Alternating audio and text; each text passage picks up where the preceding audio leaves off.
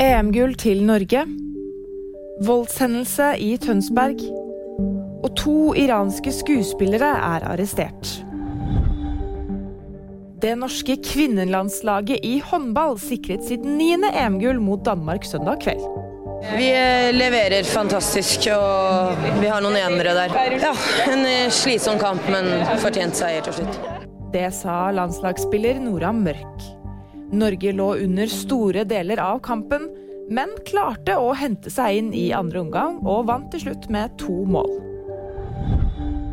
En mann i tenårene er kjørt til akutten etter en voldshendelse i Tønsberg natt til mandag.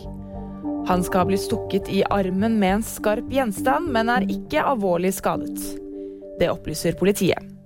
Ingen er foreløpig pågrepet, og saken etterforskes.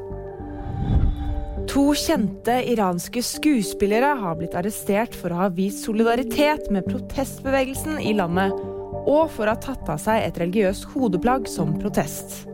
Hengame Ghassani og Katayon Riahi ble arrestert, og deres provoserende innlegg på sosiale medier blir gjennomgått, skriver det statskontrollerte nyhetsbyrået Irna. Og VG nyheter de fikk du av meg, Fride Rive Lie.